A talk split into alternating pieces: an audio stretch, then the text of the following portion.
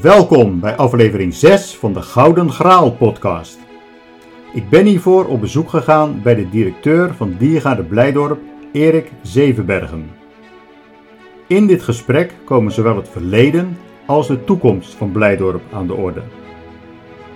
Daarnaast geeft Erik zijn visie op leiderschap en hoe je medewerkers verantwoordelijkheden kan geven binnen vooraf bepaalde kaders. Maar ook het beeld dat iedereen van de bekendste gorilla Bokito heeft, wordt in dit gesprek bijgesteld. Aan het eind van het interview vertelt Erik over het Masterplan 2030, waarmee Blijdorp zich klaarmaakt voor de toekomst.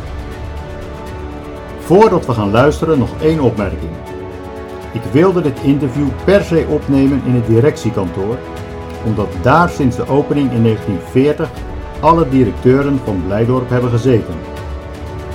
Omdat ik tijdens het opbouwen van de microfoons de auto's langs hoorde rijden, vroeg ik aan Erik of hij het raam dicht wilde doen voor een beter opnamegeluid. Hij vertelde echter lachend dat het enkel glas was. De lichte achtergrondgeluiden zullen we dus voor lief moeten nemen. Als compensatie volgt nu een interessant gesprek met een kijkje achter de schermen van deze unieke Rotterdamse icoon. Alvast veel luisterplezier. I feel like a lion. I'm so strong. Bring me the legacy. I'm so fun. I feel like an energy is going inside my mind. Goedemorgen. We zitten eh, vandaag bij eh, Erik Zevenbergen, directeur van, eh, van Blijdorp. Erik, ten eerste bedankt voor het accepteren van de uitnodiging. Graag gedaan. Toen ik hier naartoe reed vanochtend, gelukkig was het ook maar een klein stukje, want het is een, thuiswedstrijd voor mij. Als geboren Rotterdammer is het ook een soort, nou ja, een heel klein beetje thuiskomen ook, omdat ik hier toch ook wel een aantal jaren al, zeg maar, de poorten doorgewandeld ben. Ik zat te denken, dierentuin, diergaarde. Ja. Ik heb die twee namen nog steeds in mijn hoofd zitten. eh. kom je dat vaker tegen of is dat een afwijking van mij uit het Nee hoor, nou voor zover ik weet is er maar één diergaarde en dat zijn Mhm. wij. En dat komt eh, omdat in 1857 eh, de naam zo bedacht is. Mhm. Rotterdamse diergaarde, Rotterdamse SCA natuurlijk toen Mhm. nog. Eh, diergaarde. En dat is altijd zo gebleven. Oké, dus het is... eh, het, Het wordt is wel een dierentuin. Hè? Het is Ja. wel een dierentuin. Het is dan ook een botanische tuin. Maar wij zeggen nog Mhm. steeds diergaarde Blijdorp. Oké, dus Ik vind het ook een mooie naam. Ja. Ja, is ook zo inderdaad. Ja. Ja. ja. Nee, ik dacht eigenlijk dat het inderdaad eh, misschien een kleine afwijking van mij was dat ik nog in mijn hoofd had zitten, maar dat is dus niet hoor. zo. eh. nee, nee. Oké. ja. Ehm, nou ja, aan de Rotterdammers hoef ik het niet uit te leggen, maar ik denk ook niet aan de mensen naar buiten Rotterdam. Eh, ik las ergens dat jullie dit jaar eh, ruim anderhalf miljoen bezoekers ook weer Ja. gaan, eh, of in 2019 getrokken Ja. hebben. De meest staan jullie weer in de top 10 ook van de populaire dagjes uitbestemmingen, zeg maar. Ja. Weet je al op welke plaats?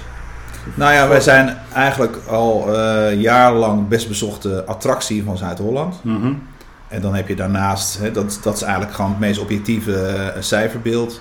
En daarnaast heb je natuurlijk de pols hè, via de Mhm. ANWB en het dagje uit. En, het is, en dan is de vraag eh, hoeveel stemmen je krijgt. Want uiteindelijk dat soort wedstrijden, Mhm. als je het wedstrijden kunt noemen, gaat er om hoeveel stemmen je vergaart. Dus dan moeten mensen echt op je gaan stemmen, actief. Mhm. Ja, en dat is maar de vraag hoeveel, eh, hoeveel stemmen je kunt krijgen.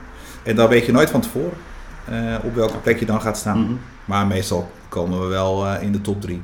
In de top 3, ja. Ah, Ja. oké. Dus wat dat betreft eh, is het nog een beetje spannend, maar... Ja, Oké. Ook wel eens nummer 1 geworden? zeker. Ja, nee, we hebben, we hebben heel veel fans. Mhm. En dat merk je wel eh, als je directeur bent van deze diergaarde. Eh, er zijn heel veel, je hoeft maar op Facebook te kijken bijvoorbeeld. En je ziet heel veel clubjes van mensen die zich fan waren van de dierentuin. Mhm. Dat ook gewoon zijn. Of ze bijvoorbeeld fotograferen. Je ziet heel veel van die fotoclubjes. Eh, mensen die, eh, die heel veel foto's van dieren en planten delen. Maar ook gewoon eh, bezoekers hè, die, die zich verenigd Mhm. hebben. En die, dus je, je merkt en je ziet hoe het leeft. En je merkt dus dat er veel mensen zijn die blij op een warm hart toedragen. Nou, dat zijn ook de mensen die over het algemeen die stemmen uitbrengen. Ja. Dat zijn eigenlijk een soort ambassadeurs, Ja, je zeker, kunnen, zeker. kunnen noemen. We zitten hier in je, in je kantoor. Eh, ik vind het altijd leuk om ook de opnames te doen eh, bij de mensen in hun werkomgeving, Ja. omdat je dan gelijk wat, wat dingen ziet. Nou, we zaten net al even te kijken bij de encyclopedie eh, Ja. van het Koninkrijk der Dieren. Ja, we hadden het over een oude, oude radio waar ook een Bluetooth-knopje op zat. Dus je hebt het ja. vermengd, het verleden en, de, en het heden, zeg maar. ik zie verder geen persoonlijke foto's staan. Is dat een bewuste Nee. keuze? Nou, eigenlijk niet. Ik heb er nog niet eens over nagedacht, Mhm. eerlijk gezegd. Maar het, het is een eh, kamer waar ik me wel senang voel. Er staan eh, beelden in van dieren die ik Mhm. zelf erg mooi vind. Ik heb een, eh, een krantenknipsel gekregen van iemand ingelijst. Waarop staat: niet elke directeur hoeft goed te kunnen brullen. En dat, vind ik, dat vond ik Mhm. zelf ook wel mooi, want dat past ook wel bij mijn leiderschapsstijl, denk ik. Eh, daar komen we misschien nog wel over te spreken. Eh, maar dus dat, dat zijn dan eh, dingen waar ik me Mhm. emotioneel aan verbonden voel.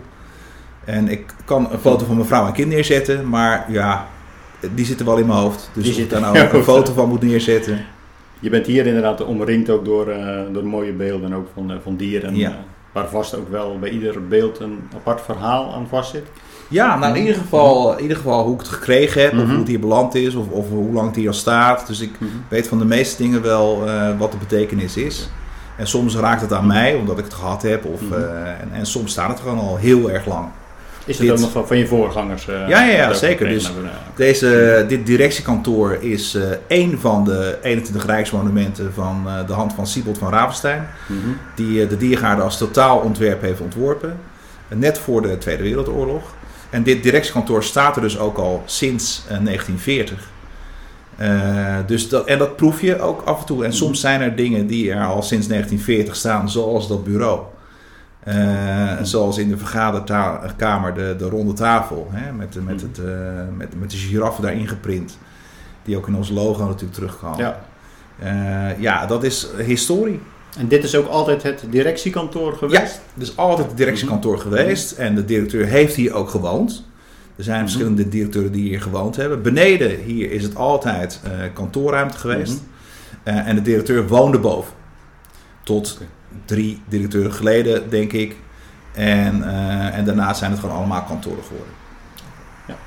Nou, je, je proeft inderdaad nog wel het monumentale karakter als je hier doorheen loopt inderdaad. En dat ja, is ook heel mooi om dat eh, te zien. Even voor jou persoonlijk. Wat was je goede voornemen voor 2020? Voor 2020, nou, dat kan ik vrij eh, eenvoudig beantwoorden. Mhm. Wij zijn eh, in 2019 eh, vrij lang bezig geweest met de organisatie om ons toekomstbeeld te bepalen. Mhm. En dat moet uiteindelijk uitmonden in ons masterplan. En dat gaat echt over de komende tien jaar. Dus mijn goede voornemen was dat we op een hele mooie eh, manier het masterplan gaan lanceren. En dat we dat de wereld in gaan sturen. Helemaal duidelijk. Mijn volgende vraag was, heeft het Blue Monday overleefd? Maar dat is dus zeker het geval. eh. dat is zeker waar. Het ja, zou niet goed zijn als het dat niet het geval Nee. was. zeker. Op dat masterplan komen we straks nog, eh, nog uitgebreider op, op terug. Een persoonlijke vraag. Met welk persoon, dood of levend, zou je nog één dag door willen brengen? Een bekende Nederlander, een bekende wereldburger. Hij mag uit de geschiedenis zijn. Dat je denkt, nou, als ik daar Oh. één dag Ja, mee zou kunnen praten, doorbrengen, vragen Nou, stellen. dat zou John Lennon zijn. De doodgeschoten Beatle Mhm. in eh, 1980. Helaas ons ontvallen. Mhm. Eh, ik ben de laatste tijd weer helemaal in de Beatles. En dat komt, eh ik ben laatst nog naar een concert geweest van de Analogs. Een, een, een, eh, een band die dat tot in perfectie echt eh, naspeelt. Mhm. En, de, en de Beatles intrigeren mij. En, het, en de persoonlijkheid van John Lennon intrigeert mij ook. Dus ik lees daar veel over. En over de dynamiek in de Beatles. En hoe dat uiteindelijk leidde ook tot het uit elkaar gaan van Mhm. de Beatles. Maar ook hoe ze dat eigenlijk in vrij korte tijd zo ontzettend veel goede muziek hebben gemaakt. Hè, waarvan wij nu nog steeds de vruchten plukken. En nog steeds. eh, eh, en dat is eigenlijk maar in, in zeven jaar gemaakt. En Dus- tegen de stroom in. En tegen de stroom nieuwe in. En echt vernieuwend. eh, Mhm. ook muzikaal. Mhm. En, eh, dus het, eh, John Lennon is iemand die ik. eh, vind ik een intrigerend persoon. Is ook niet iemand die heel Mhm. makkelijk te duiden is. Eh, dus als ik nou nog ergens een, een, een gesprek mee zou willen, eh, dan zou het met hem zijn. Heeft het ook te maken met dat hij naast de muziek ook nog een echte wereldburger was en daar ook wel ideeën over eh, heeft gehad en dat zeker ook heeft eh, geuit? Ja, Mhm. dat heeft, want dat is deel van zijn eh, toch ook wel complexe persoonlijkheid, denk ik.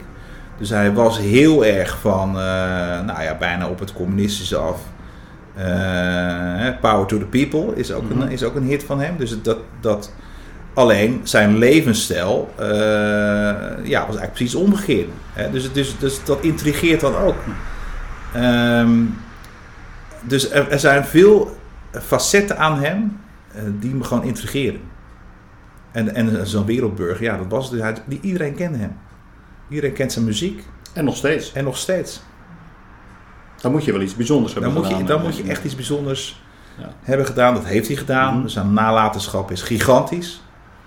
En, eh, en ik vind het ook wel mooi eh, als je af en toe eh, leest hoe die nummers zijn ontstaan. hoe hij eigenlijk van een, ja, een idee ging spelen met woorden. Want hij, was ook wel een, een, woordkunstenaar. Liedjes maakte die wij nu kunnen dromen. Hè, maar, die, maar die als je het gaat analyseren eigenlijk soms onsamenhangend zijn als het gaat om teksten.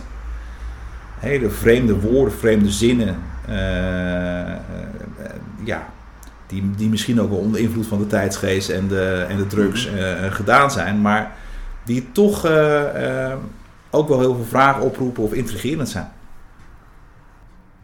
Terug naar Blijdorp. Ja, Wanneer ben je voor het laatst bij een geboorte van een dier hier geweest?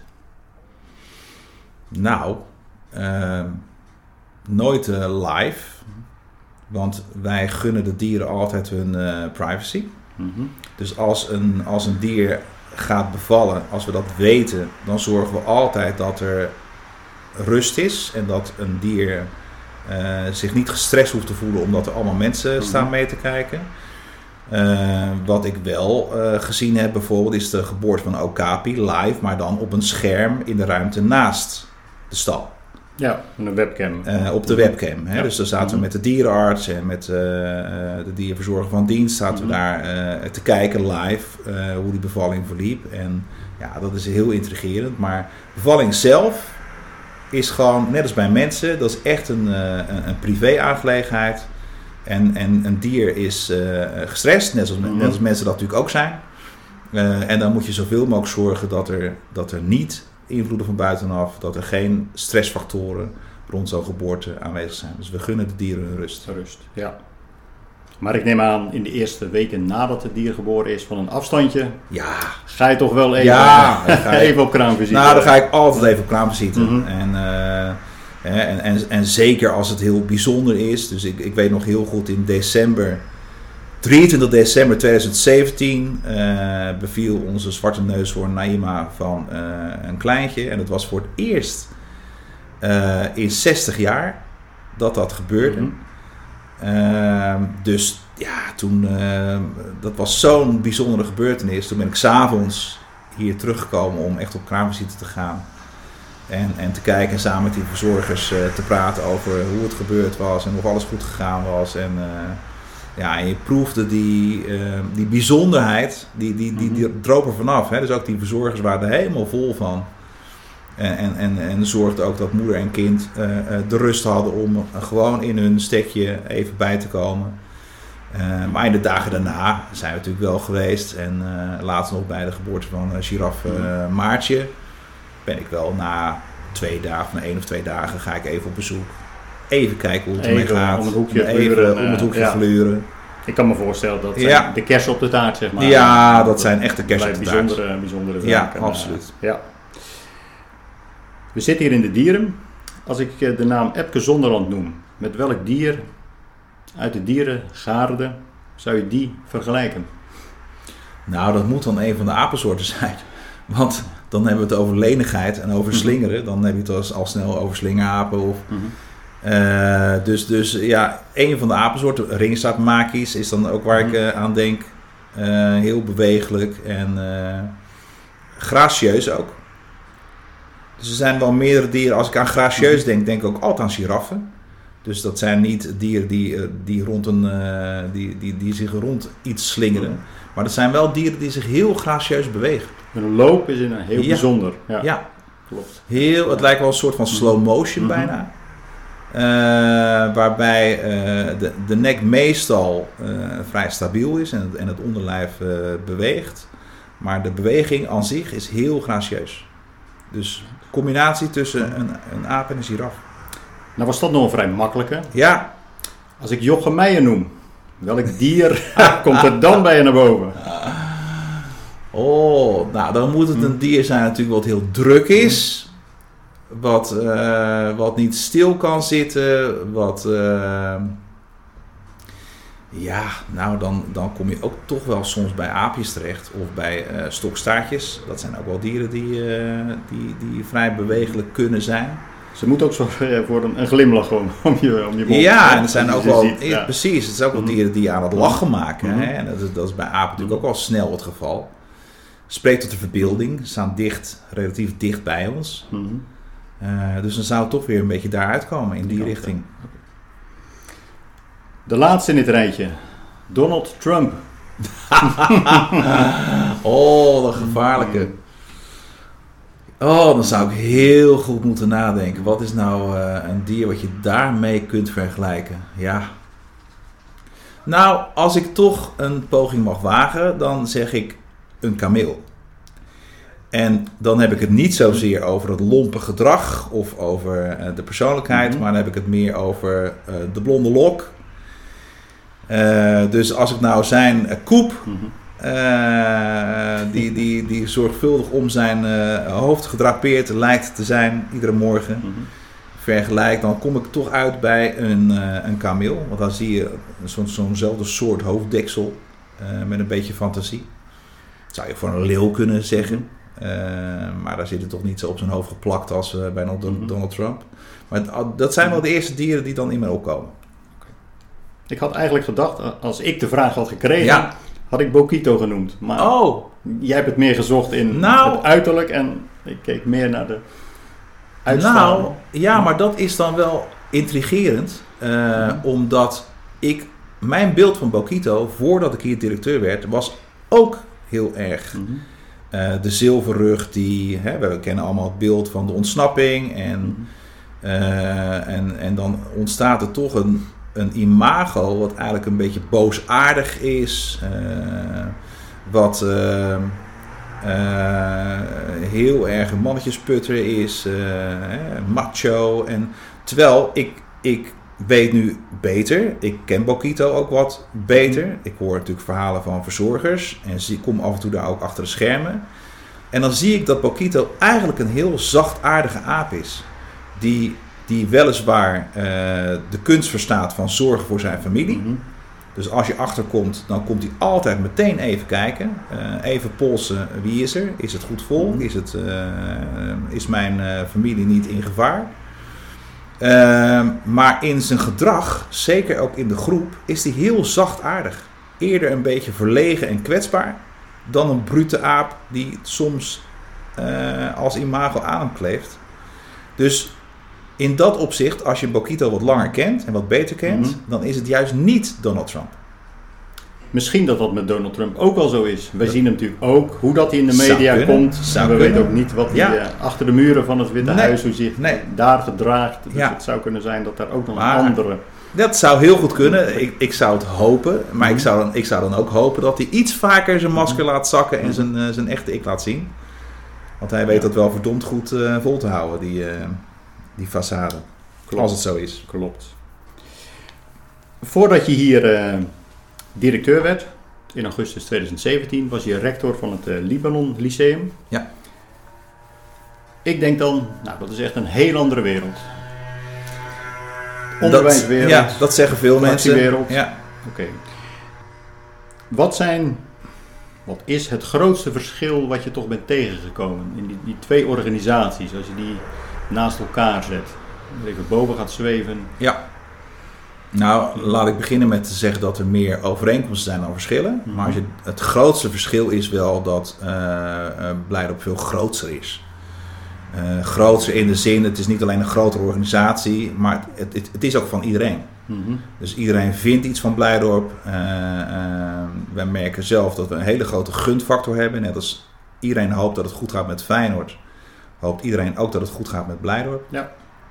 Heel veel fans, 117.000 abonnementhouders, even als voorbeeld. Mhm. Hoeveel mensen hier toch betrokken zijn. Iedereen heeft wel warme herinneringen aan een bezoek aan Blijdorp of aan vroeger in Klopt. Blijdorp. Iedereen Ja. weet nog waar de dieren zaten voordat ze Mhm. verplaatst werden. Ehm, dus het, het, het grote verschil is dat eh, Blijdorp grootser is als organisatie, met name in de exposure eh, naar buiten en wat mensen ervan vinden. Dus als er hier iets gebeurt, staat het meteen in de krant. En gelukkig zijn dat allemaal eh, eh, positieve zaken vaak, als het gaat om geboortes van dieren en eh, opening van nieuwe verblijven. Maar we, we vinden er met elkaar wat van. Krijg je ook regelmatig eh, telefoontjes, mailtjes van abonnementhouders, mensen die hier al heel lang komen, die zeggen van, nou, dit is nu veranderd, maar ben ik het niet mee eens, had ik liever anders eh, gehad. Eh, ze denken mee. Ja, nou, heel veel mensen denken mee, Mhm. zeker. En we krijgen ook mails, ik ook persoonlijk, Mhm. krijg mails hè, van mensen die... eh, maar het zit, dan is het niet zozeer dat ze zeggen, ik ben het er niet mee eens. Ik krijg wel eens een, een, een mail over, de, ik vind de kleur van die, die bogen niet mooi. Of hè, dat gaat dan om dat soort dingen. Eh, maar het is meestal niet dat ze, zich, eh, dat, dat ze het er niet mee eens zijn. Wel dat ze zich zorgen maken, bijvoorbeeld. Hè. Dus, we, dus ik kreeg op 1 januari eh, van dit jaar kreeg ik, twee of drie mails van bezorgde mensen na de brand in die Duitse dierentuin, net over de Ja. grens in Kreeveld. Van ja, maar dat is toch. Dat kan toch zeker in Blijdorp niet gebeuren? Of we moeten ervoor zorgen dat dit in Blijdorp niet gebeurt. We maken ons een beetje zorgen. Want als het daar kan gebeuren, kan het misschien hier ook gebeuren. Jullie zijn toch wel goed op de hoogte van enzovoorts. Hè? Dus dan, eh, dan krijg je dat soort eh, bezorgde reacties. Dus het- ik, ik zou het Meedenken. eerder typeren als, ja, als, een, Mhm. als een mening, als een bezorgdheid. Om eh, dat er toch niet iets aan ons geliefde Blijdorp... dat er iets Mis zou gaan. Ja, dat iets Ja. mis zou gaan. Ja. Dat, is eigenlijk de meeste reactie die we krijgen. Iedere leider, iedere directeur heeft zijn eigen persoonlijke eh, prioriteiten, waar ook zijn, zijn interesse vaak het, eh, op welk gebied dat ligt. Toen de eerste maand hier binnenstapte in Blijdorp, waar heb je toen als eerste, denkt van nou daar moet ik nu wel even mijn, mijn aandacht wat meer op, eh, op vestigen. Of om dat onder de knie te krijgen, of dat je dacht van nou dat is er wat, ik wil niet zeggen bij ingeschoten, maar dat heeft wat meer aandacht nodig toen je hier kwam. De mensen, eerlijk Mhm. gezegd. Dus eh, bij een dierentuin gaat het eigenlijk altijd over dieren. En bij ons is dat dieren en planten. Maar ik, de eerste aandacht die ik moest geven was aan de mensen. Eh, eh, de mensen maken toch een dierentuin. En deze organisatie heeft best een, een lastige tijd achter de rug. Afgelopen paar jaar. Waarin de gemeentesubsidie heel erg teruggebracht is. bijna helemaal weg is. En er, heel stevig gere- ge- gereorganiseerd moest worden. Daar moesten echt 40 man uit. Eh, en, en, die organisatie is best heel erg onder druk komen te staan. En dat betekent dat er heel veel gevraagd is van die mensen afgelopen jaren. Ehm, eh, waar niet altijd de goede zorg eh, voor was uiteindelijk. Hè. Dus, dus dat, ja, dan kun je toch wel voorzichtig spreken van een verwaarloosde organisatie. Waarin met name mensen het gevoel hadden niet meer gezien te worden, niet meer gehoord te worden. Eh, dus toen ik hier binnenkwam, ben ik begonnen ook om de dierentuinwereld beter te leren kennen. En om beter te weten wat deze mensen drijft en wat ze iedere dag doen. Door mee te gaan lopen op al die afdelingen. En, en dat bood mij een kans om die mensen te zien. En om eh, te horen wat, wat, eh, wat ze vonden. Hè, en waar ze trots op waren. Maar ook waarvan ze vonden, nou, dit, eh, hier maken wij ons zorgen om. Hè, en we hopen echt dat, er, eh, dat we het dadelijk wat, wat breder krijgen. En dat we iets meer tijd krijgen om, waar wij zo warm van worden, Mhm. namelijk die dieren verzorgen, observeren en onderzoeken. Mhm. Dat we daar iets meer tijd voor hebben. Nu lopen we echt de hele dag eh, drie, drie slagen rond te, Mhm. te werken om, om dat werk af te krijgen. En de druk zat er goed op. Eh, en, en mensen toch eh, behoorlijk verwaarloosd. Dus de aandacht moest echt ook naar die mensen uitgaan. Heb je nu nog steeds bepaalde blokken in je agenda? Dat je zegt van nou, dan wil ik wel bij Tourbeurt bij diverse afdelingen meelopen? Ja, Mhm. wel minder dan in het begin. Mhm. Hè, want in het begin moest ik echt de wereld leren kennen. En, eh, maar nu af en toe doe ik het nog steeds. Hè, dus dan, dan gaat mijn secretaresse kijken of er in de ruimte ontstaat in de agenda. Waardoor ik eh, hierna eens wat kan meelopen. Dus onlangs nog in de horeca een, eh, een, dag dan meegelopen. Ik ga eh, de eerste keer dat ik weer ga meelopen met, met de botanen meelopen. De Mhm. planten, jongens en meisjes. En dat is gewoon hartstikke leuk. Het is niet alleen leuk voor die mensen, maar ook voor mezelf. Het is, het is ja. heel erg dankbaar. En qua informatie krijg je dan natuurlijk heel andere dingen via Ja. de meer formele route die er gevolgd wordt. Ja, ja je krijgt, nou, je, dat was met name in het begin dat je andere informatie kreeg dan je, dan je uit andere bronnen kreeg of uit, uit stukken kon opmaken. Nu denk ik wel dat we een heel stuk verder zijn. We hebben de boel ook echt eh, op orde. Dat dat wel dezelfde soort geluiden zijn. Dus ik, ik denk wel dat ik die geluiden gewoon eh, hoor die ik ken ook. Dus die komen mij niet vreemd voor. Maar je hoort weer wat meer hoe het met mensen zelf gaat, hoe het, hè, hoe het met ze thuis is, ehm, eh, wat ze bezighoudt, ook met die dieren, wat er aan de hand is, waar ze tegenaan lopen, wat het nog niet goed werkt. En dat is gewoon hele waardevolle informatie. Want hoeveel mensen werken er momenteel bij Blijdorp? Een kleine 200 werken er eh, in vaste dienst. En dan zitten daar schillen omheen van eh, mensen die we op payrollconstructies of uitzendbasis inhuren, al naar gelang er eh, meer seizoen is. Hè? Dus hoogseizoen. Ja, ja. als het drukker zomer, is, dan, schalen we het bij. Mhm. En als het minder druk is, schalen we af. Dat kan dan met die flexibele schil. Dan gaat het over de jongens en meisjes van de entree, de winkel, de horeca, eh, evenementen, Mhm. hè, dat soort eh, afdelingen. Maar we hebben bijna 200 mensen vast in dienst die structureel het hele jaar doorwerken. Zijn de dienstverbanden hier ook heel lang? Ja, dat is wel iets, als je het nou hebt over ehm, eh, overeenkomsten tussen het onderwijs en, eh, en, en de dierentuin, is dat er eentje. Hè. Er zijn heel veel mensen die er lang werken. Lifetime employment Mhm. zie je heel veel. Dus mensen, er zijn ook niet zo heel veel dierentuinen natuurlijk. Nee. Hè. Er zijn meer scholen Mhm. en er zijn niet zo heel veel dierentuinen. Dus met, waar mensen nog wel eens van school eh, verkasten, daar is verhuizen in dierentuinland eigenlijk niet bij. Nee. Ehm, en Blijdorp is toch ook de top in Nederland. Hè? Dus je gaat ook niet zo heel snel naar een andere dierentuin, zelfs als dat eh, eh, opportun is. Dus, dus heel veel mensen werken hier eigenlijk heel lang. Mhm.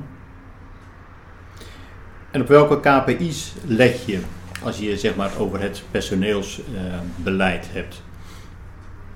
Nou, is toch wel, kijk, je, je automatisch kijk je wel naar verzuim, hè, Mhm. bijvoorbeeld. Want dat is ook een indicator van hoe mensen zich voelen. Dus dat is er eentje. Maar we zijn nu ook wel heel erg bezig met eh, het gelijk trekken van arbeidsvoorwaarden. Wij hebben het eh, gekke fenomeen dat wij eh, vanuit de pittige reorganisatie in 2013 eigenlijk van de gemeente CAO afgeduwd zijn naar de leisure CAO. waarbij de afspraken gemaakt zijn over dat mensen oud recht konden behouden. Mhm. Hè, waar, eh, de- waar wel een overgangsreglement sticker op zit, maar wat eigenlijk helemaal geen overgangsreglement is. Want die mensen houden dat recht tot in lengte van dagen. En er zijn mensen die vallen onder een nieuwe regeling binnen de leisure CAO. En daar zit gewoon verschil in. Nou, dat zijn dingen waar, nu, waar we nu echt aan het kijken zijn, nu het wat beter gaat, om te zeggen, moeten we dat niet wat meer gelijk trekken? Want dat geeft natuurlijk eh, binnen de organisatie nogal wat scheve gezichten. Als je voor hetzelfde, hetzelfde werk eh, andere beloningen Andere hebt. beloning hebt, een andere CO-kant. Ja. ja. Waar ligt het zwaartepunt in je, in je functie? Ik kan me voorstellen, je moet financieel moet je in de gaten houden. Je moet zorgen voor de, de marketing, de reclame, Ja. organisatiestructuur. Ja, Heb je een bepaald zwaartepunt? Of is het afhankelijk van welk jaar je zit? Ja, dus afhankelijk van welke fase Mhm. ik in zit. Hè. Dus, dus in het begin, de eerste anderhalf jaar, was, ging echt over de organisatie. Eh, om die eh, weer goed eh, in te richten en klaar te maken voor de toekomst hè, qua structuur. Daar leggen we nu eigenlijk de, de, de laatste hand aan. Dan is dat stukje Mhm. klaar. Vervolgens hebben we in de tussentijd ook heel erg gekeken naar hoe we het geld verdienen. En hoe we kunnen sturen op kosten en omzet. Dus ook dat hebben we, dus de bedrijfsvoering hebben we ook beter onder controle. Dat was ook wel een, een behoorlijke fase waarin de prioriteit daar lag. Ehm, en wat nu aan de orde is, is dat we nu echt uh, doorgeschakeld zijn naar de toekomst. Dus, dus de, de, de basis op orde, de organisatie staat. En nu kunnen we gaan kijken naar uh, onze toekomstplannen. Daar zijn we het afgelopen jaar al heel druk mee bezig geweest. Dus, en voor die toekomstplannen, ehm, daar zitten ambitieuze plannen in, maar dat kunnen we niet alleen. Wij kunnen zelf nu heel veel dragen.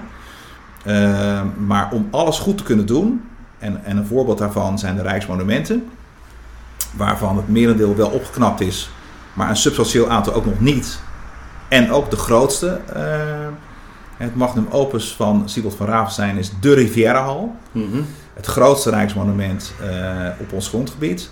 Ja, en die moet echt wel een keer gerestaureerd worden. Nou, dan heb je het over uitdagingen waar we, uh, die kunnen we niet alleen dragen. Hè. Dus wat mijn voornaamste focus nu de komende tijd moet zijn, en eigenlijk steeds meer wordt nu, is dat ik de, de focus extern richt um, en, en, en hulp gaan zoeken bij die uitdagingen. We moeten om ons heen gaan kijken naar fondsen, naar gemeenten, naar het Rijk, naar bedrijfsleven. Mm. Hè, om de handen ineen te kunnen slaan om de dingen waar wij warm van worden en waarvan we vinden dat het allemaal bij elkaar hoort. Dus natuurbehoud is de kern van onze boodschap en ook de, de kern van ons uh, masterplan. We gaan daar nog, nog veel meer inhoudelijk mm focus op leggen. Maar we hebben ook die 21 Rijksmonumenten uh, in goede staat te brengen.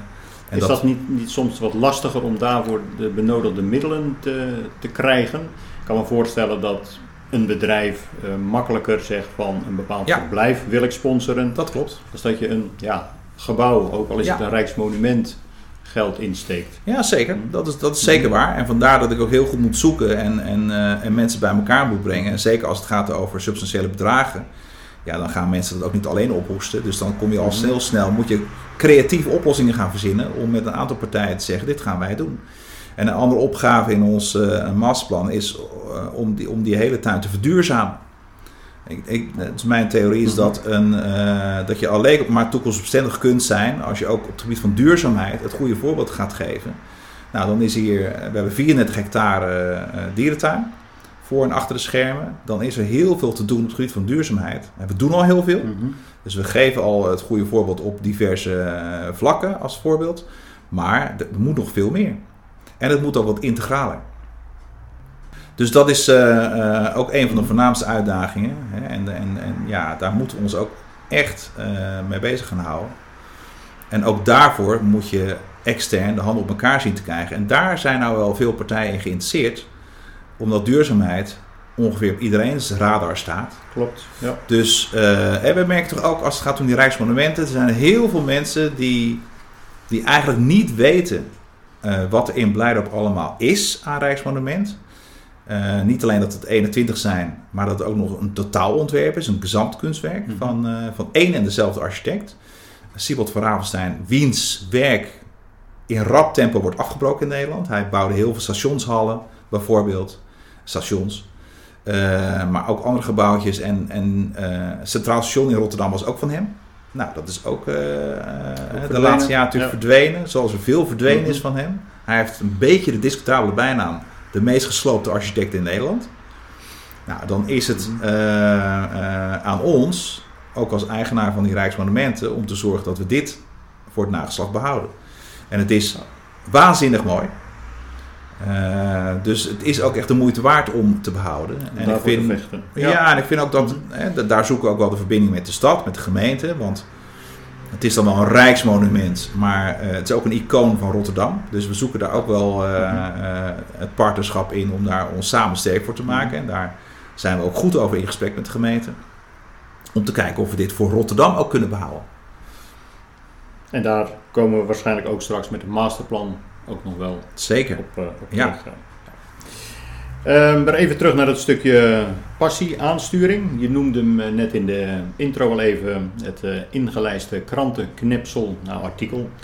Niet elke directeur hoeft goed te kunnen brullen, met een grote leeuw er, erop. Ja. Die staat er ook niet voor niks. Nee, nee, die staat er niet voor niks. En ik, uh, nou, ik, ik, vind het mooi dat ik dat uh, gehad heb van een, uh, een, lid van de Raad van Toezicht die, die afscheid nam. Mm -hmm. en ik, ik, denk ook wel dat het mij symboliseert. Ik, ik ben niet van het hele hiërarchische afdwingen. Ik ben de baas en jij gaat nu doen wat ik zeg. Dus ik zoek het veel meer in, eh, in harmonie. Hè? Dus wel de baas, dat moet ook duidelijk zijn. Mhm. Maar ik, ik wil heel graag dat mensen ook zelf eh, snappen ehm, en, en ondersteunen welke stappen we moeten zetten als dierentuin. En dat zij daar verantwoordelijkheid in hebben. En ik denk als mensen ook een eigen belang hebben en het belang van de organisatie erkennen, dan zullen ze sneller in beweging komen dan dat een directeur nou eh, eh, schreeuwt dat ze het moeten gaan doen. Dat, op den duur werkt dat toch meestal niet. En dat past ook niet zo bij me. Als ik een, een weegschaal in gedachten neem en ik heb eh, de ene kant zet ik eh, vertrouwen en de andere kant zet ik eh, controle. Ja. Aan welke kant zou dan de weegschaal bij jou uitslaan? Welk geef je meer gewicht? Vertrouwen, absoluut. Omdat ik denk dat op basis van vertrouwen mensen harder gaan lopen dan wanneer ze het gevoel hebben alleen maar gecontroleerd te worden. En ik denk, de, je, je moet altijd de balans zoeken. Je kan niet alleen maar goed van vertrouwen zijn. Hè, dan, dan wordt het ook beschadigd. Dus je moet een zekere vorm van controle eh, inbouwen. Maar dat moet eigenlijk een controle zijn die de organisatie zelf op zich neemt. Dus wij moeten het, de mensen het vertrouwen geven. En de mensen moeten vertrouwen hebben om de goede dingen te kunnen doen. Maar zij moeten eigenlijk zelf ook inbouwen dat ze ook af en toe moeten kijken: doen wij nou de goede dingen, doen we ze goed? Dus zichzelf controleren, maar zichzelf ook laten controleren. En het liefst, en het liefst een beetje objectief, hè? Dat, dat niet eh, de, de, slager zijn eigen vlees keurt. Eh, maar dat de anderen ook even mee laten kijken. Gaan we nou, doen we de goede dingen? En moeten we elkaar af en toe een beetje helpen om eh, dat scherp te houden voor onszelf. maar ook te kijken hoe we verder kunnen komen. Heb je daar een voorbeeld van, van de afgelopen jaren? Dat je zegt van nou, daar hebben we echt wel een stukje vertrouwen gegeven aan een bepaalde afdeling. En hoe dat is uitgepakt.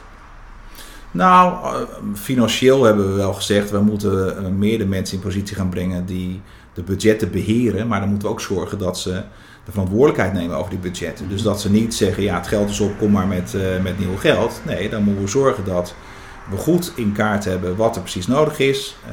wat ze aan geld beschikbaar hebben. Maar dat ze daar dan ook binnen blijven. Dus we proberen in de organisatie dat wel steeds wat dieper eh, weg te leggen. Mhm. eh, waardoor mensen ook hopelijk de verantwoordelijkheid oppakken om daar goed mee om te gaan. Ja, ik ben het helemaal met je eens. Het, eh, het lastige is vaak om het echt in de praktijk ook doorgevoerd te Ja. krijgen. En wat je zegt, het kan nooit helemaal van 0 tot 100 procent Nee. kan je het doen. Nee. Maar hoe krijg je het wel naar een, een hoger niveau dat mensen dat vertrouwen Ja. geven en nemen inderdaad. En zich er verantwoordelijk voor, voor voelen. Absoluut.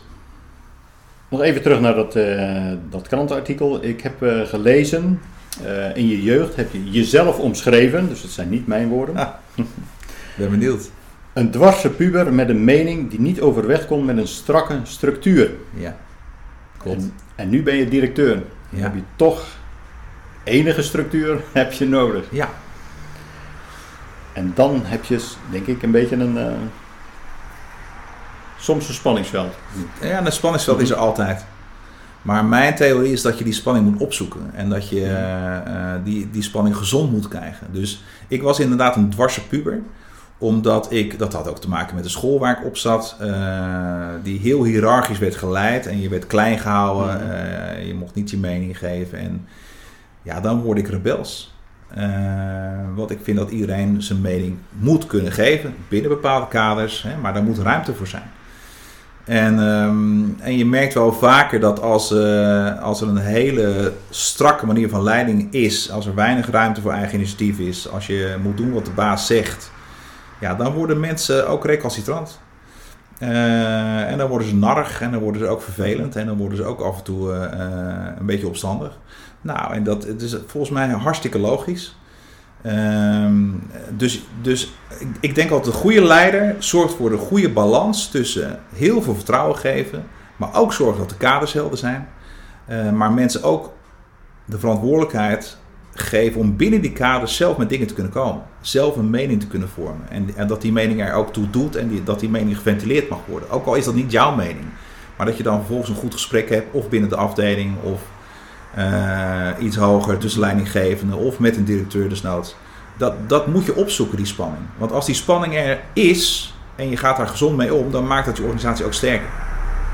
Zou het ook een beetje met onze volksaard eh, te maken hebben? Wij Nederlanders, wij eh, hebben soms moeite met, met autoriteit, Ja, met gezag. ja, Onze volksaard is, als iemand wat zegt, dan eh, zeggen we ja, maar. Dat is een bekende kreet, Ja. hoor dan al. Andere landen, Duitsland of Frankrijk, gaat dat bijvoorbeeld al heel anders. Ja. De cultuur op het werk is daar al heel anders. Als daar de leidinggevende, de baas, iets zegt, dan Ja. wordt het gelijk aangenomen en wordt dat uitgevoerd. En die hebben ook minder eh, tegenspraak. ja, Even zwart-wit stellend ja, wij Nederlanders, wij, of dat je nu een, nou ja, bij wijze van spreken een stagiaire binnen, binnenhaalt, die kan ook binnen twee weken zeggen van jullie doen dit nu wel zo, maar ja. er zijn ook andere manieren inderdaad. Ja. Nou ja, en, en eh, ja, ik geloof wel, hè, ieder, ieder volk krijgt uiteindelijk de lijnen die ze verdient. Mhm. Eh, dus het zal ook echt wel eh, cultuurgebonden zijn. Nou, je noemt Frankrijk als voorbeeld. En dan breng ik er wel tegenin, dat zal dan wel strak- strakker geleid worden. Maar kijk eens naar hoeveel er gestaakt wordt. Hè, dus dan, dan zijn er toch mensen die op Mhm. een andere manier in opstand komen tegen wat de leiding vindt dat er wel of niet zou moeten gebeuren. Dus het is altijd een soort spanningsveld, denk ik. Eh, en ik denk in Nederland zijn we wel heel erg, eh, slaan we ook wel eens in door, hè, dat er gepolderd moet worden en dat er eh, het harmoniemodel ver doorgevoerd moet worden.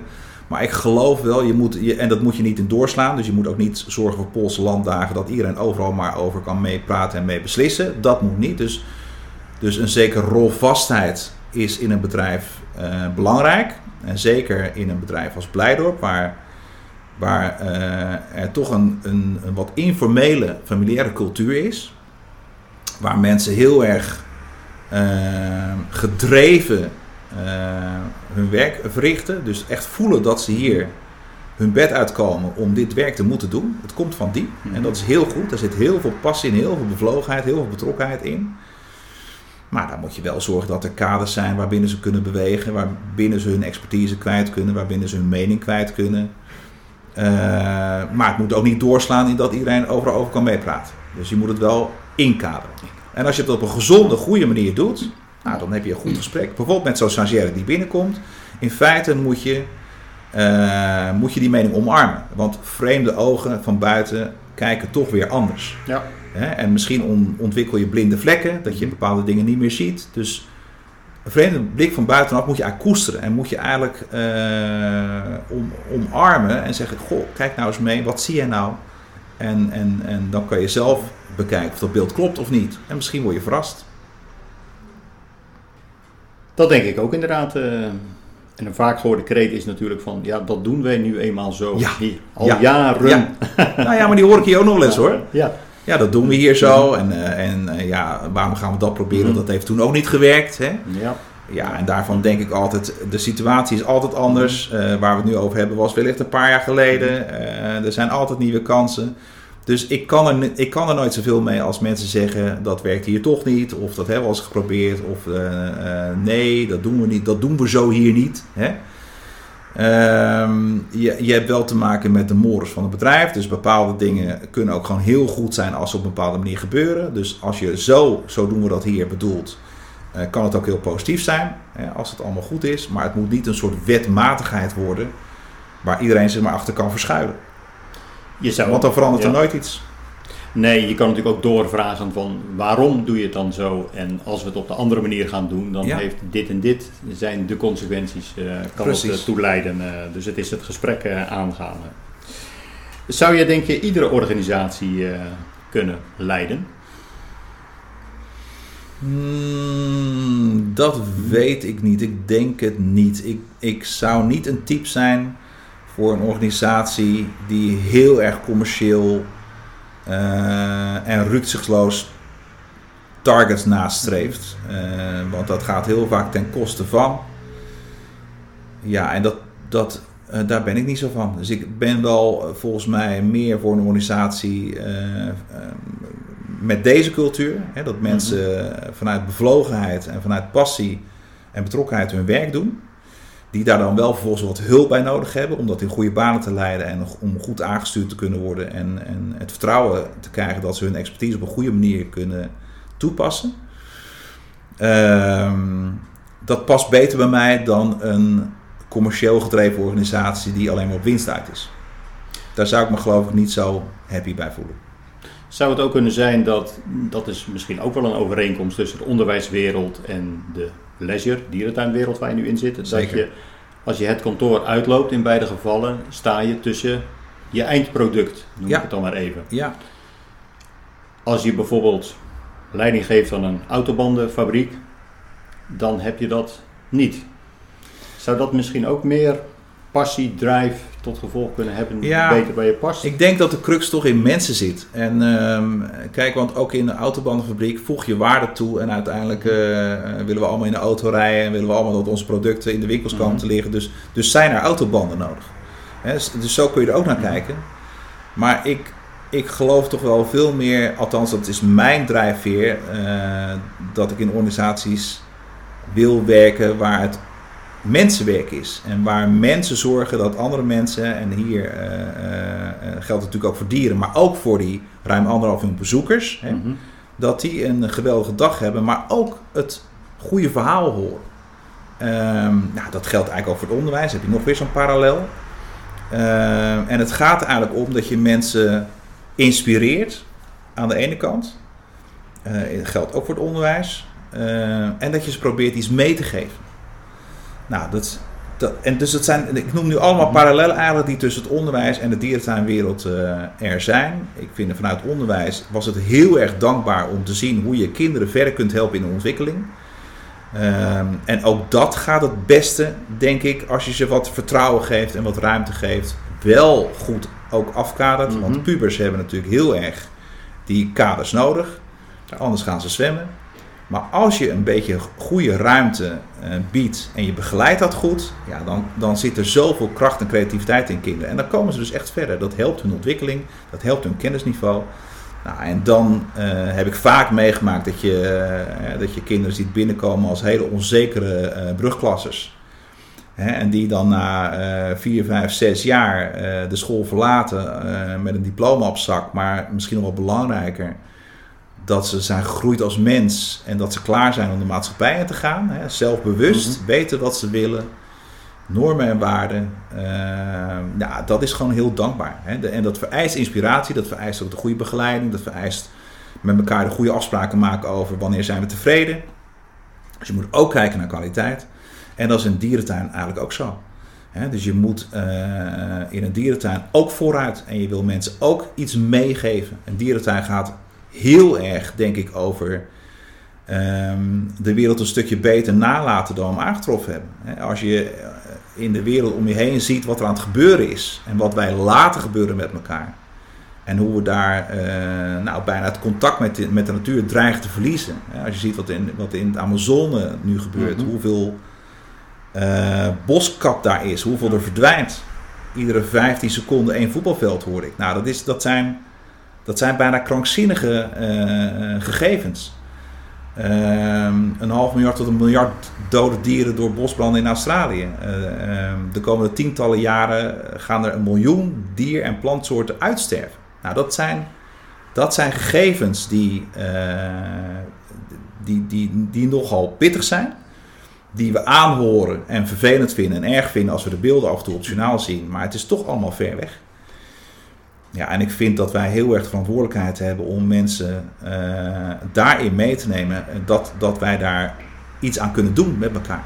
Dat wij kunnen zorgen voor, of eigenlijk liever gezegd, dat we tegen kunnen gaan dat diersoorten uitsterven. Door hier gezonde reservepopulaties te kunnen behouden. Dat we steeds meer dieren kunnen gaan terugbrengen naar eh, een, een, een natuurlijke omgeving. Dan moet die natuurlijke omgeving er nog wel zijn. Dus we moeten ook wel zorgen dat we genoeg aan natuurbehoud doen dat Ja. op locatie er nog genoeg natuur is om die dieren te kunnen terugplaatsen. Dus ja. het is een veelomvattend geheel, wat wij biodiversiteit noemen. Het hele samenspel tussen mens, dier en natuur. Eh, waar we echt in rap tempo nu met de mensheid aan het verwoesten zijn. Met gigantische gevolgen.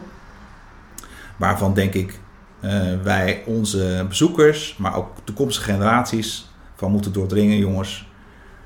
Dit is niet de manier waarop wij met onze wereld willen omgaan. En, en willen wij echt onze kinderen opzadelen met zo'n erfenis? Of gaan we er wat aan doen? En iets aan doen, nou, daar is een dierentuin dan echt voor in positie om er ook iets aan te kunnen doen. En om mensen dat verhaal te vertellen en, en van hen ook ambassadeurs van natuurbouw te maken. Ik denk dat we daar met het masterplan heb je daar vast ook een uh, apart uh, hoofdstuk voor om dat uh, te gaan bereiken. Zeker. Dus daar komen we zo nog even verder op terug. Nou, het is duidelijk waar dat je energie van krijgt in je werk. Ja. Daar, daar hebben we de voorbeelden net al genoeg gehoord en hoe gepassioneerd dat je daarover kan vertellen. Wat kost je energie in je werk? Waar heb je wel eens soms dagen dat je dan thuis komt dat je denkt: oké, ik heb gewerkt, maar ik voel me toch vermoeid, leeggelopen qua energie. Zijn er bepaalde werkzaamheden die, die, die zitten in iedere functie? Ja, tuurlijk zitten die in iedere functie. Dus kijk, dagen dat ik alleen maar aan het vergaderen ben, en die, zijn, die zitten er helaas ook tussen. Ja, dan, dan zijn er soms zijn er hele leuke vergaderingen waar je echt energie krijgt, maar, maar soms kost het ook heel veel energie. hè? En, en zeker, we hadden het net over de gesprekken van uh, als mensen zeggen ja, nee, dat kan echt niet worden. Hebben we al een keer geprobeerd, dat ging toch niet. Of nee, dat doen we, niet, dat doen we hier zo niet. En uh, als, je, als je te veel van dat soort gesprekken op een dag hebt, en soms helaas gebeurt dat ook wel eens, mm -hmm. ja, dan loop ik leeg op energie. Uh, dus ik krijg energie van, van mensen die, die kansen zien, die, die wel daar natuurlijk realistisch zijn. Je kan niet alleen maar kansen zien. Maar ik kan ook leeglopen op energie bij mensen die, nou, laat me in dierentermen blijven, alleen maar beren op de weg zien. Hè? Of, of, ja. of struisvogelpolitiek bedrijven, mm -hmm. kop in het zand en dan zien we het niet en dan voelen we ook de pijn niet. Nee, je, je, moet, je moet daar gewoon ook met open vizier naar durven kijken. je moet ook de kansen kunnen blijven zien. die zijn er genoeg, maar dan moet je er wel voor openstaan. Ja, Even terug naar Blijdorp. Wat zijn je belangrijkste concurrenten in de dagje uit sector?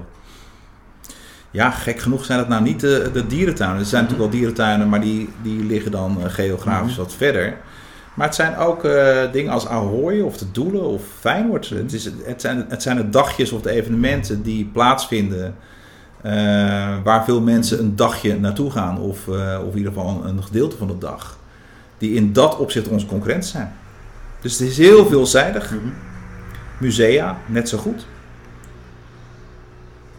Speelt toegangsprijzen een belangrijke rol, denk je, in de keuze voor naar welke attractie dat mensen ja, nou, ik denk, ja, zeker, zeker. Mm -hmm. uh, dat denk ik -hmm. wel. En uh, uh, dat is ook altijd zo'n punt waarvan je heel erg goed moet afvragen: kun je daar iets in doen nog? Hè? Of, of is de prijs die je vraagt in verhouding tot wat je ervoor krijgt. Mm -hmm. Dat vind ik eigenlijk de, de belangrijkste, het belangrijkste element daarin. Vind ik overigens wel. Dus wij hebben, onze toegangsprijs is nu wel 24,50. Dat wordt minder als je vooraf een kaartje koopt. En er zijn natuurlijk ook abonnementen die, hè, als je drie keer geweest bent, dan heb je een abonnement eruit. En gelukkig hebben we er uh, 117.000, dus uh, dat zei ik al eerder. Dus er zijn veel mensen die, die het zo oplossen. Maar als je met een gezin met twee kinderen hier naartoe gaat, ja, dan ben je al voordat je binnen bent 100 euro kwijt. Ja. En, en dat is uh, een hoop geld. En dan, en dan wil je ook nog iets drinken en iets eten. En we beseffen terdege dat dat iets is waar we heel scherp in moeten zijn. Ehm, dus dan kom je weer op dat, op dat spanningsveld met commercie. Hè? Dus wij vinden, wij zijn een stichting. Laat ik dat vooropstellen. Wij zijn een stichting zonder winstoogmerk. Dus, dus winst zit ook helemaal niet in onze doelstellingen. Het is leuk als we wat geld overhouden, want dan kunnen we dat besteden aan wat meer onderhoud nieuwe en wat meer uh, ja. nieuwe investeringen. Mm -hmm. Maar het is niet uh, een doel op zich. Alleen, we moeten wel onze kosten natuurlijk kunnen dekken. En omdat nou, gemeentesubsidie is weggevallen, moeten wij eigenlijk alle kosten zelf dragen. Wetgeving uh, neemt toe. Hè. Dus alles wordt strakker ingeregeld. En dat betekent dat je soms investeringen moet doen om aan die wetgeving te voldoen. Je moet allerlei uh, uh, andere dingen bedenken om vooruit te komen. Je moet af en toe ook een nieuw dierverblijf maken natuurlijk.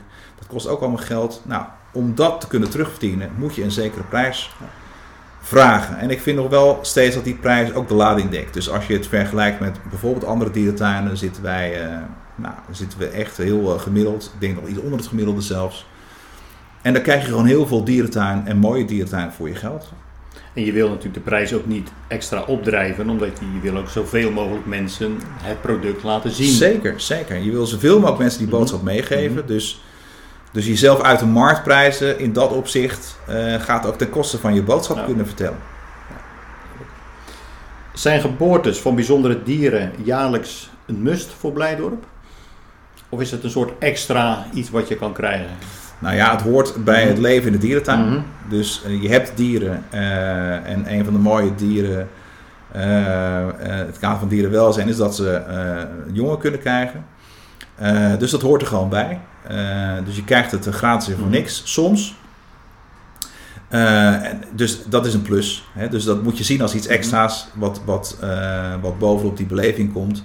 Maar het moet niet zoiets zijn, we moeten zoveel geboortes hebben, want anders draaien we niet goed. Dat, ook, zo werkt het ook niet in de dierentuin. Zo werkt het niet. eh, nee, maar ik kan me wel voorstellen dat de vlag uitgaat, zeg maar, als er een, eh, een jonge olifant eh, geboren wordt eh, in het begin van de zomer. Ja, dat, nou, Dan dat, werkt dat wel. dan helpt dat heel mee, erg. Maar en, en toch is, toch is, dus dat is zo aan de ene kant. En toch is het belangrijker dat je zegt: oké, maar als een, eh, een, een olifant geboren wordt, hopen we dat hij het goede genetische materiaal in zich heeft. Mhm. Daar speelt mannetje, vrouwtje ook nog wel een rol in. Ehm, eh, om die gezonde reservepopulatie ook op peil te houden. En gezond te houden en goed te houden. En je wil ook zo'n groep olifanten, zoals wij in de dierentuin hebben, dat dat een goede, gezonde groep blijft. Dus daar kijk je ook naar. Het is niet alleen maar, oh leuk, een jong en we hebben weer een, eh, een extra lid eh, van de groep. publiekstrekker. Nee. Nee, het moet ook gaan. Hè? Dus, dus we, eh, we, we kijken ook naar dat soort aspecten. In hoeverre wil je de commercie toelaten in de dierentuin? Want we hebben het over geld gehad. Ja. Geld is belangrijk, Ja. blijft belangrijk. Ehm, commercie kan vaak een boost daaraan geven, maar je wil het ook niet helemaal commercieel gaan maken. Nee, dus nou ja, ik- zeker. Ik, ik, ik zeg al eerder, eh, commercie is niet onze drijfveer. Eh, we zijn een ideële organisatie, een stichting zonder winstoogmerk. Maar tegelijkertijd hebben we geld nodig. Hè, moeten we geld verdienen om de operatie te kunnen draaien en om door te kunnen ontwikkelen. Dus als wij eh, met deze dierentuinen, dat willen we heel graag, de komende jaren vooruit willen, ja, dan moeten we geld investeren. En dat geld moet ergens vandaan komen, dat moet verdiend worden.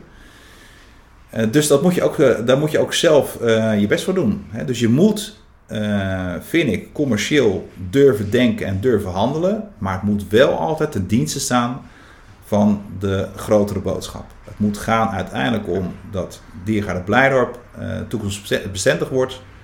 En niet dat we dat winst maken als doel wordt verheven. Het moet gaan om deze dierentuin. Ik zie hem eh, staan hier, eh, net eh, onder je bureau. Olly. Nou, Ja. Als Feyenoord supporter heb ik hem ook thuis al jaren staan natuurlijk. Ja. En toevallig zat ik vorige week nog even op YouTube een filmpje te kijken toen de verkoop hier startte. Ja, TV Rijnmond. Nou, een gekke huis met dranghekken en mensen die er echt uren voor in Ja. de rij stonden om een grote knuffel te kopen. Een grote knuffel die wel, ja, je noemde in het begin al even een gunfactor. Nee, Ja. Dat Feyenoord, je had je Blijdorp en dat werd hier op een eh, fantastische manier werd dat, eh, eh, gecombineerd. Ook nog met Van Bronckhorst als, als Ja. ambassadeur op tv-reclames. Zitten er nog meer van dat soort acties in de pijplijn? Nou, ik denk er wel over na. Omdat ik ervan overtuigd ben dat. eh, je hebt het nu over het voorbeeld van Olly. Dan heb je het ook eigenlijk over een samenwerking tussen twee grote iconen van Mhm. Rotterdam: hè, Feyenoord en eh Diergaarde Blijdorp. En zo'n kruisbestuiving eh, merk je meteen dat dat wat doet met mensen. Hè? En dat het dus zulke eh, gevolgen kan hebben. Nou moet je dat nooit kopiëren. Je moet het ook nooit willen kopiëren. Dus, dus we gaan niet voor een tweede Olly of zo. Maar het concept van grote Rotterdamse iconen met een, met een hoge gunfactor die samen iets doen waar veel mensen eh, voordeel aan kunnen hebben of plezier aan beleven, ja, dat, daar moet je natuurlijk wel over nadenken. Dus ik ken wel mensen in de top van Feyenoord en we hebben ook wel eens gesprekken van, nou, we zouden toch eigenlijk wel eens weer moeten nadenken over zo'n soort kruisbestuiving. Iets anders dan Olly, maar Mhm. het kan van alles en nog wat zijn. En ik denk, eh, we hebben heel veel mooie eh, iconen in Rotterdam. Dus Feyenoord en Blijdorp zijn er twee, maar we hebben, nog veel meer. We, hebben Speedo is mooi, de doelen zijn mooi, de Euromast is mooi. Ahoy. We hebben heel veel verschillende iconische eh, organisaties in Rotterdam. Ja, ik denk dat het heel erg goed is om te kijken hoe je krachten kan bundelen. Niet alleen in hoe je zaken aanpakt, hè, hoe je kennis deelt en hoe je elkaar sterker kan maken, maar ook hoe je dat wat meer commercieel zou kunnen uitbuiten. Dan gaan we nu eh, langzaam naar het, eh, het masterplan. Het plan voor de komende tien jaar, dacht ik dat je net al eventjes Ja. eh, noemde inderdaad. Hoe zorg je daarin voor een natuurlijke balans tussen de, de leefomgeving en de, van de dieren en de zichtbaarheid voor de bezoekers? Ik ben zelf wel eens een keer in de, in de apenheul geweest op een warme zomerse dag met mijn gezin. Ehm, en de dieren, de, de apen, die zaten voornamelijk binnen. En naast mij en achter mij hoorde ik eh, bezoekers eh, klagen daarover, want ze hadden zoveel neergeteld voor een entreekaartje en nu zagen ze bijna geen apen. Omdat die apen niet in een kooi zaten, maar in een natuurlijkere leefomgeving. Ja. Nou, dat zou je hier in Blijdorp ook mee, mee te maken hebben. De- Zeker. Het wordt eh, veel, veel groter, meer natuurlijker, met Ja. meer beschutting. Heb je daar, vast wel, maar heb je daar ook over nagedacht bij het eh, nieuwe masterplan om die balans in Ja. eh, goed te Ja. houden? Zeker, daar denken we heel erg over na. Want, want een terecht onderwerp, het is, het is een van de moeilijkste balansen om te zoeken met elkaar. Maar wij geloven wel dat we dat kunnen. Ehm, en eh, kijk, vooropgesteld, je moet eh, streven naar meer, gemiddeld meer ruimte per diersoort. Hè, om, om ze ook in, in zoveel mogelijk in een natuurlijke omgeving te kunnen huisvesten. En, het, en dieren zoveel mogelijk soort eigen gedrag te laten vertonen. Want dan voelen ze zich het meest happy. En dan kun je er het beste voor zorgen. Ehm, dat, dat, dat stelt eisen aan het verblijf. Dus dan moet een verblijf groter. Moet, eh, het, het moet, maar het moet ook zichtbaar blijven voor bezoekers. Dus hoe doe je dat nou? Hè? Dus hoe, maar dat, daar kun je heel creatief naar kijken. Je kunt dingen verzinnen, en ik heb ze ook wel gezien in andere dierentuinen. Waarbij ehm, je weliswaar goed je best moet doen om dieren te zien. Maar dat een verblijf zodanig triggert en zodanig tot de verbeelding spreekt dat je dat ook wil. Dus waar we ook naartoe willen is dat, dat je minder zeg maar, door een verblijf heen wandelt of, of langs een verblijf en zie ik een dier of niet en weer verder. Maar dat je, je ook, dat je ook de rust neemt. En dan moet je wel wat te zien hebben natuurlijk. Moet het wel gaaf zijn om daar in te zijn. Eh, dat je je ook verwondert over hoe de verblijf is opgezet en hoe die eh, dieren zich daarin bewegen. Eh, maar er moeten genoeg plekken zijn om ze te kunnen zien. Dus dat is het evenwicht wat je, wat je moet zoeken. En hoe heb je dat ingepast in het nieuwe masterplan? Nou, we hebben nagedacht over welke grotere diersoorten gaan we eh, herhuisvesten, bijvoorbeeld. Eh, en hoe gaan we dat dan doen? Wat zijn er de voorbeelden om daar eh, naar te gaan kijken? hè? Dus waar hebben ze dat bijvoorbeeld in de wereld goed gedaan? Dat wij zeggen, nou, dat, als we het zo kunnen doen, dat zou toch wel heel gaaf zijn. Want dan heb je echt A, in het kader van dierenwelzijn, een prachtig verblijf wat state of the art is en wat de komende jaren heel goed mee kan. Maar waar bezoekers bovendien heel erg van kunnen genieten. Eh, de dieren goed kunnen zien, maar wel ook soms moeite moeten doen om die dieren te zien. Hè? Maar eh, dat hoort dan bij het kijken naar een prachtig verblijf. Waarin eigenlijk ook de eh, nou, soort jungle bijvoorbeeld is nagebootst. En ehm, er zijn excursies naar eh, gorilla groepen in eh, Rwanda of in Oeganda. Nou, waar je ook behoorlijk moet lopen en dan ook maar moet afwachten of je ze ziet. Ja. Eigenlijk moet je zo'n soort beleving ook in een dierentuin hebben. Dus het moet niet te makkelijk gaan. Kijk, daar zie je een gorilla. En, eh, eh, want die is naar voren geduwd en, en, en, en dan kun je hem zien. Nee, die moet zich vrijelijk kunnen bewegen in zijn zo natuurlijk mogelijke omgeving. En je moet een beetje moeite doen om hem te willen zien. En moet ik bij het masterplan dan voornamelijk denken aan nieuwe verblijven, andere verblijven, anders Nee, hoor. ingericht? Nee, het gaat, het gaat om veel meer dan dat. Het is echt een totaalplaatje. Dus het gaat zowel om ehm, het restaureren van eh, bestaande verblijven. eh, dan wel het restaureren van rijksmonumenten. Want daar hebben we soms ook nog eh, dieren in zitten. Mhm. Waarvan je kunt afvragen, ja, moet dat nog? Ehm, en het gaat ook om de dierentuin als geheel. Dus je wil ook gaan kijken naar de uitstraling van de dierentuin als geheel. Daar kunnen we ook nog eh, stappen in zetten. Maar soms gaat het inderdaad over nieuwe verblijven. En, eh, en ook dat moet je niet uit de weg gaan. En kun je daar een tipje van de sluier van, van oplichten? Waar moet ik eh, aan denken? Nou, als het gaat om dat masterplan, dan behoort, ik zei het al, de Riviera al is het grootste rijksmonument wat we zullen mo- moeten gaan restaureren. Eh, binnen de komende tien jaar. En in de gorilla, eh, of in de Riviera Hall, daar zitten Bokito met zijn familie, daar zitten gorilla's, daar Mhm. zitten de dwergnijlpaardjes, daar zitten de zwarte neushoorns. Nou, als je aan zo'n verbouwing begint, dan is er maar één ding mogelijk. Die dieren moeten dan, kunnen daar niet blijven. Die moeten dan ergens anders zijn. Mhm. Nou, dan ga je nadenken over waar kunnen we die dieren herhuisvesten. Eh, met de dwergnelpaardjes en de, en de zwarte neushoorns denken wij dat dat kan. Op eh, bestaande locaties of misschien een beetje verplaatsen. Bij de gorillas denken wij, nou, het is misschien wel eens tijd voor een nieuw huis voor Bokito en zijn familie. Mhm. Dus dan ga je nadenken over een nieuw gorillaverblijf. Nou, dat is nou zo'n voorbeeld van een carousel die op gang komt. Dus je begint aan het, eh, aan het grote project de Riviera Hall. En daar komen dan deelprojecten uit die je eigenlijk eerst moet doen. Want die gorillas zullen we eerst moeten verplaatsen naar een nieuw verblijf. Dus moet je dat verblijf eerst eh, maken voordat je überhaupt aan die hal kunt beginnen. Nou, zo hebben we een aantal grotere projecten opgelijnd, achter elkaar gezet.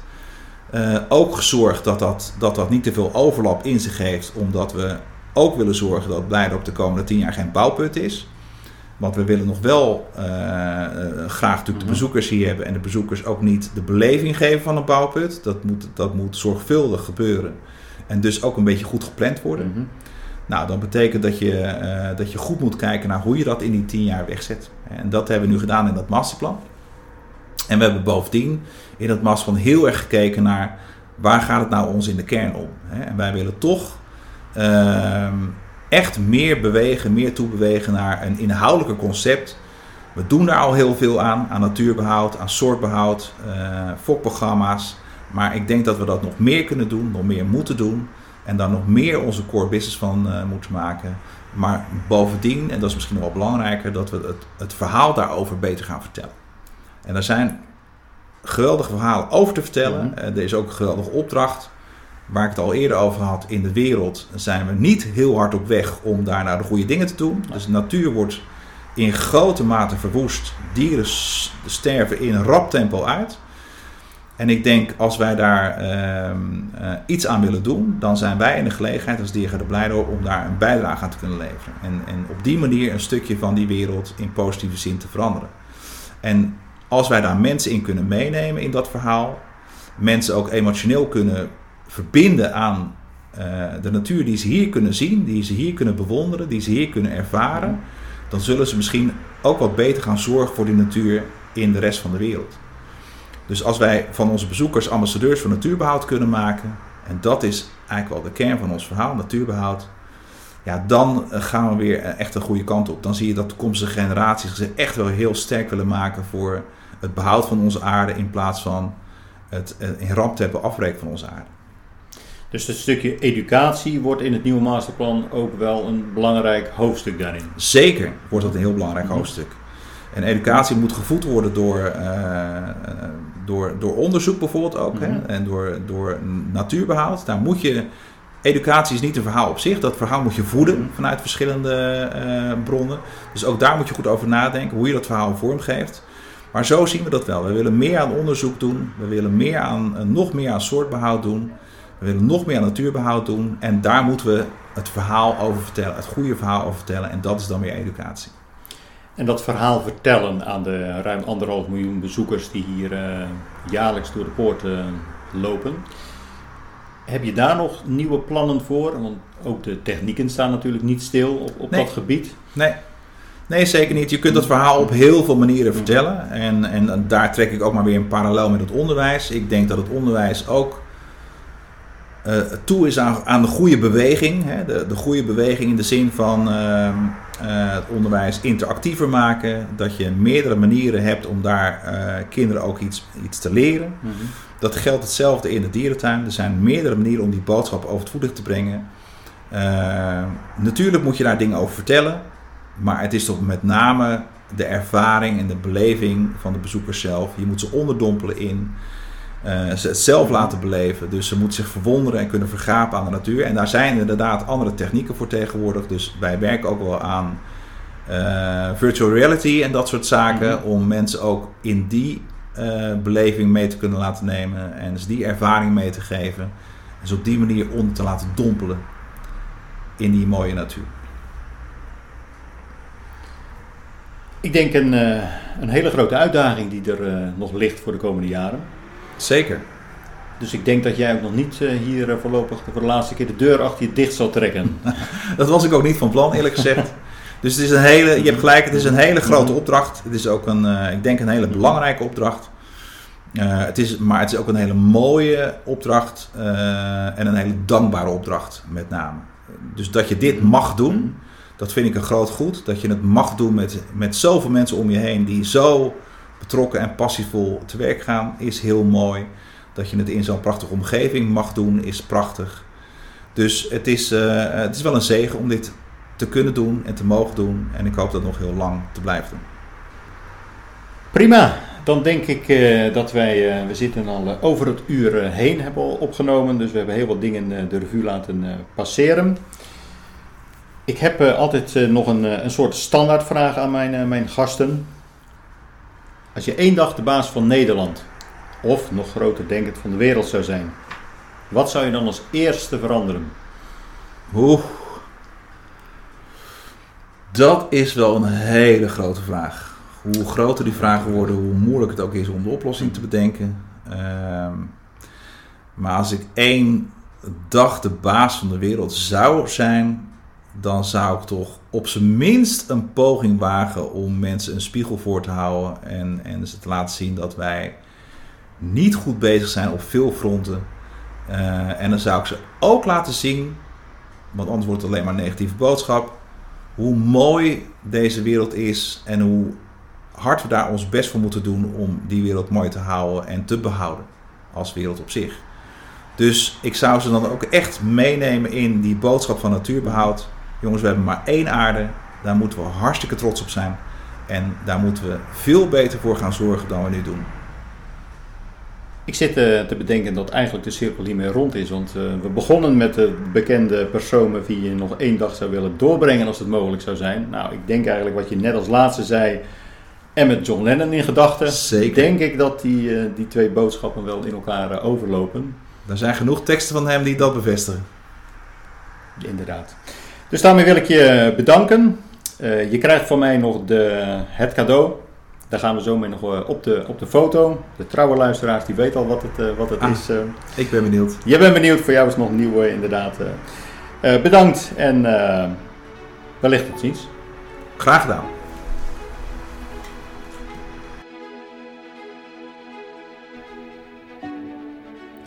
Dit was aflevering 6, waarin we Erik Zevenbergen als directeur van Diergaarde Blijdorp beter hebben leren kennen. Zijn passie om beter voor de wereld en zijn natuur te zorgen klinkt door in al zijn daden. In de volgende aflevering over twee weken reizen we af naar Hartje Utrecht om van Evelien Veenman te horen wat de functie van Chief Happiness Officer inhoudt en wat zij precies verstaat onder een positieve bedrijfscultuur. Voor nu bedankt voor het luisteren naar de Gouden Graal podcast. I feel like a lion. I'm so strong. Bring me the legacy. I'm so fun. I feel like an energy is going inside my mind. Hey, see, I'm so fun. on, let me breathe. Ah, come on, let me breathe. Yeah, come on, let me breathe. Let me breathe. I know we'll let it show. Come on, let me breathe.